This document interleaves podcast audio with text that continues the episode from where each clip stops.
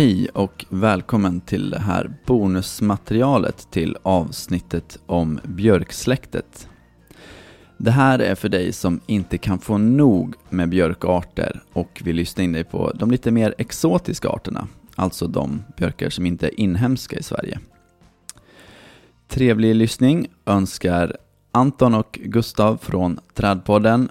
Så nu kör vi igen!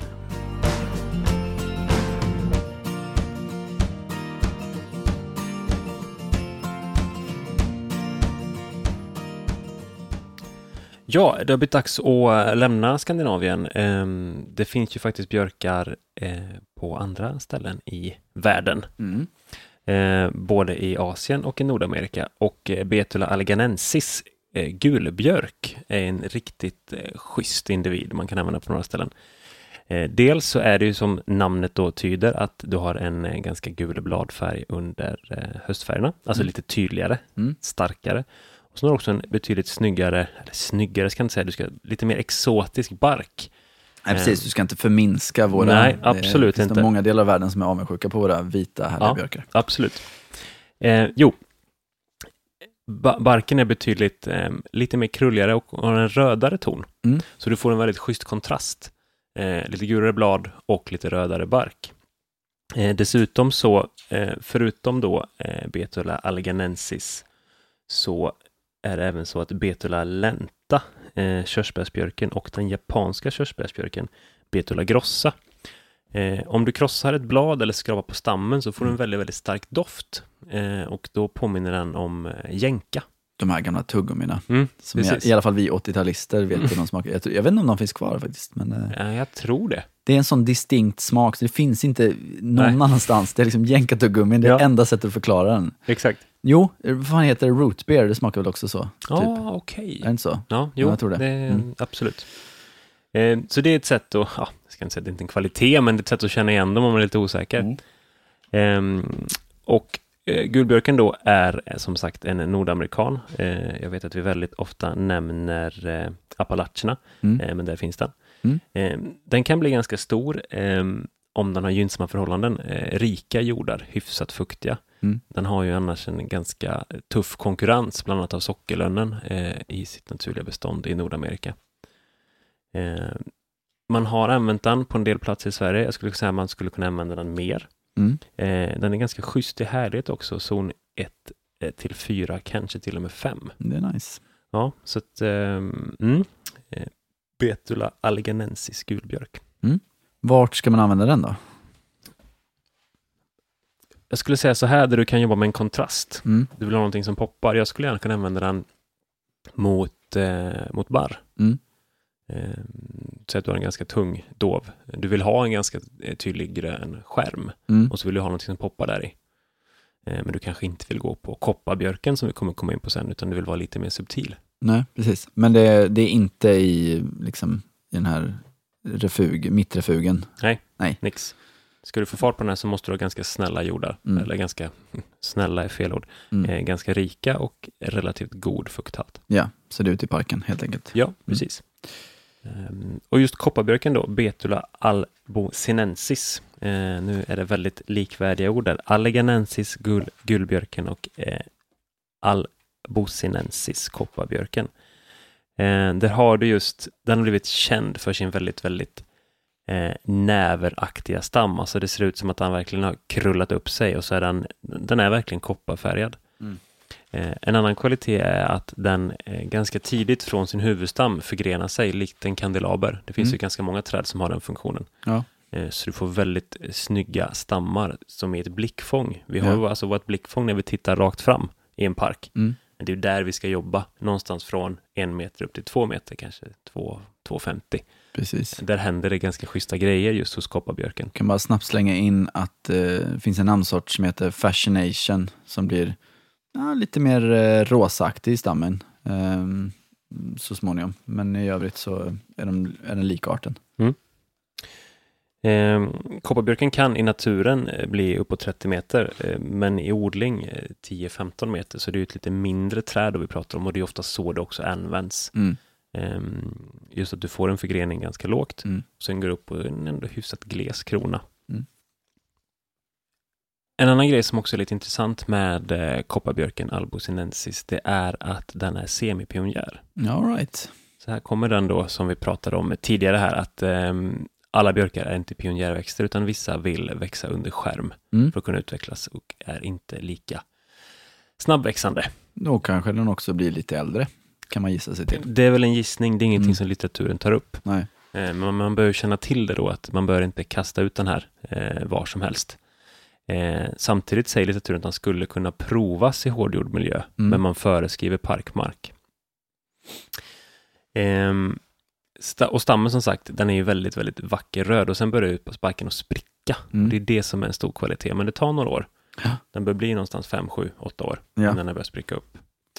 Och du får också en ganska schysst kontrast här med, med gul till orange höstfärg. Men det kan nästan bli lite too much. Mm. Du har liksom den här kopparfärgen på stammen och leveransen hela året om och så Mm. får du gult uppe på det. Man får liksom tänka efter lite grann. Det är Ja. det med gult igen. Ja. Mm, det är en schysst kvalitet. Mm.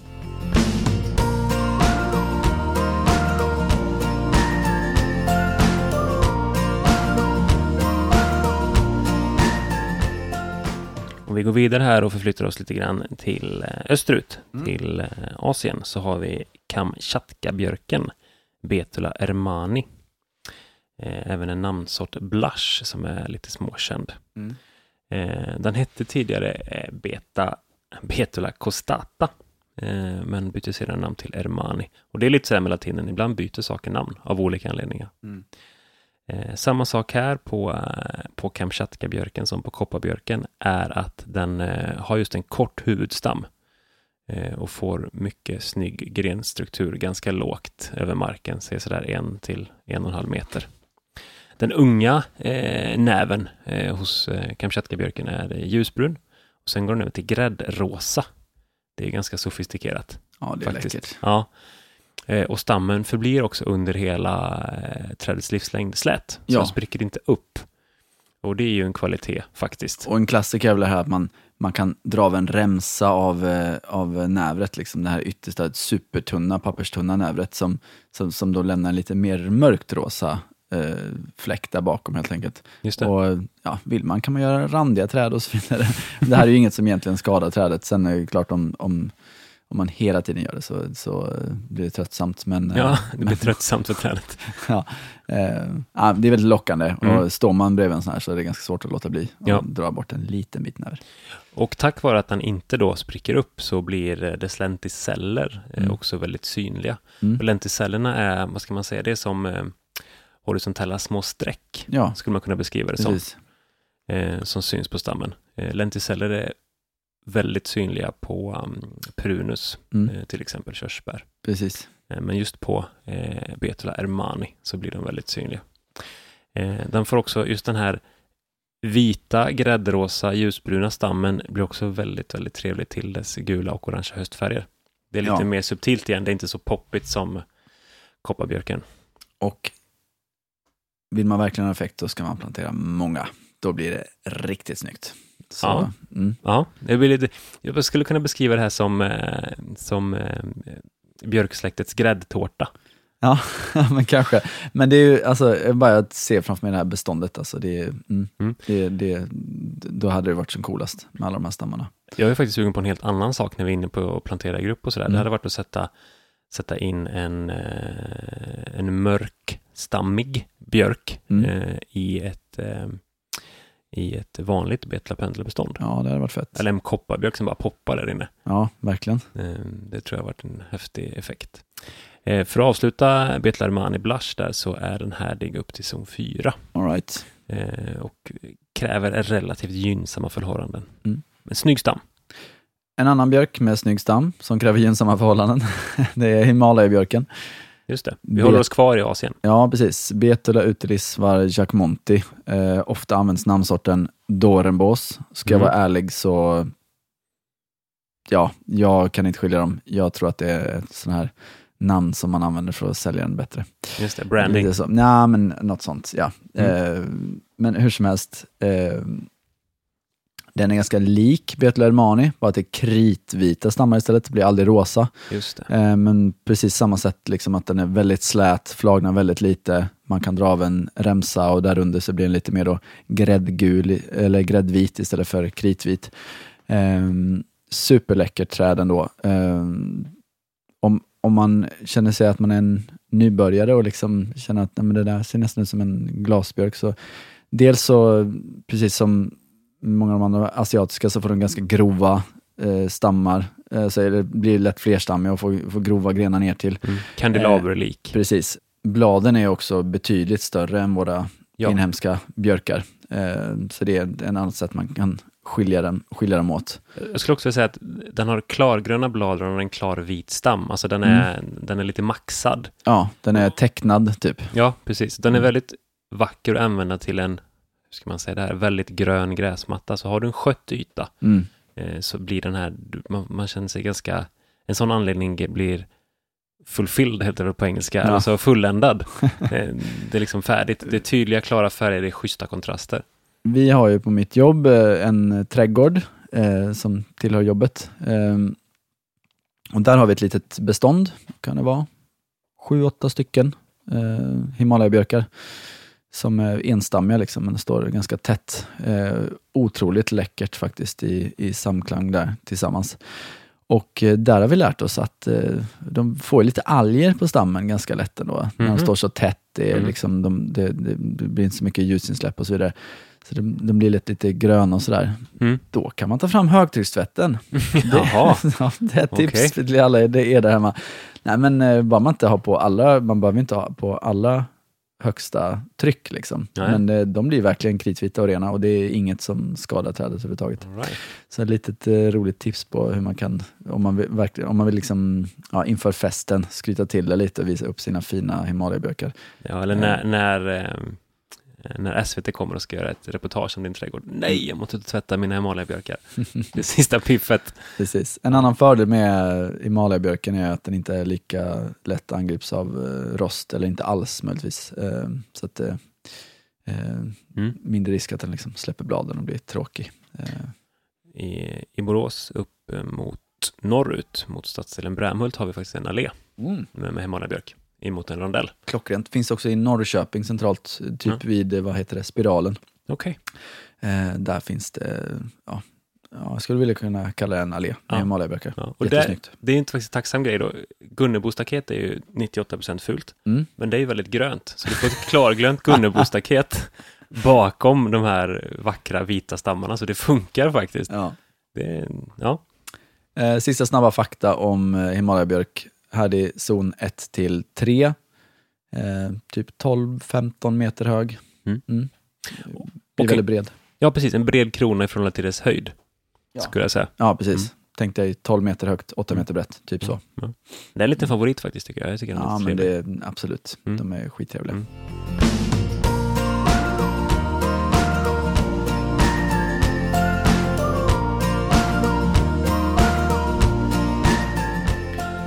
Ja, vi går vidare. Eh, Betula nigra, Yes. eh, på svenska flodbjörk. Den används ju på tok för lite. Alldeles för lite. Mm. Eh, svartbjörk har han också faktiskt, eh, kallas den.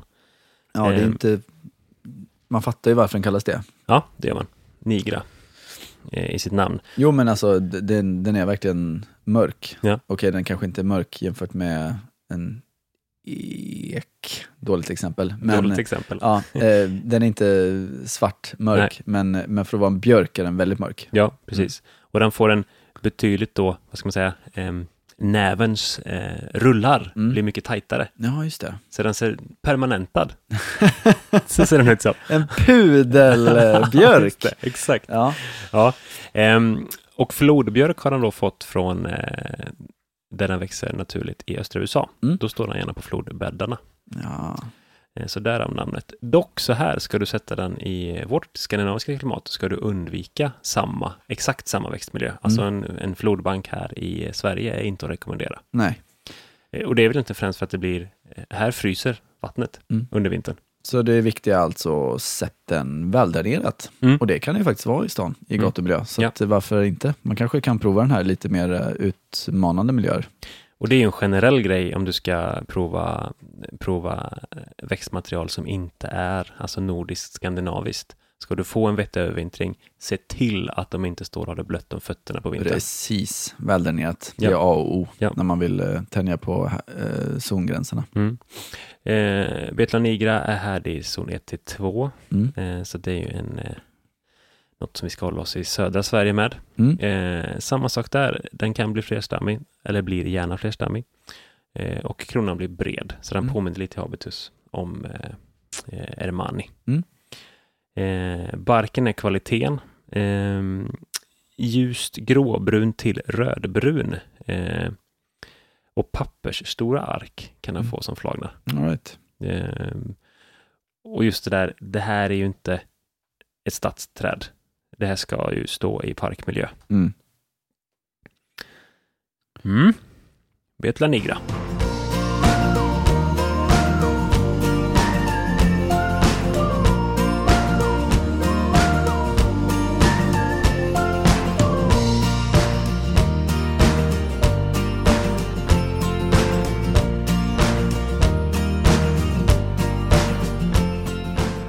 Det var allt från bonusmaterialet till avsnittet om björksläktet. Vi vill tacka våra sponsorer Mareld Landskapsarkitekter, Berg och Landskap samt Bara Mineraler och ett stort tack till dig som har lyssnat. Vi hörs igen om två veckor. Ha det bra, hej då!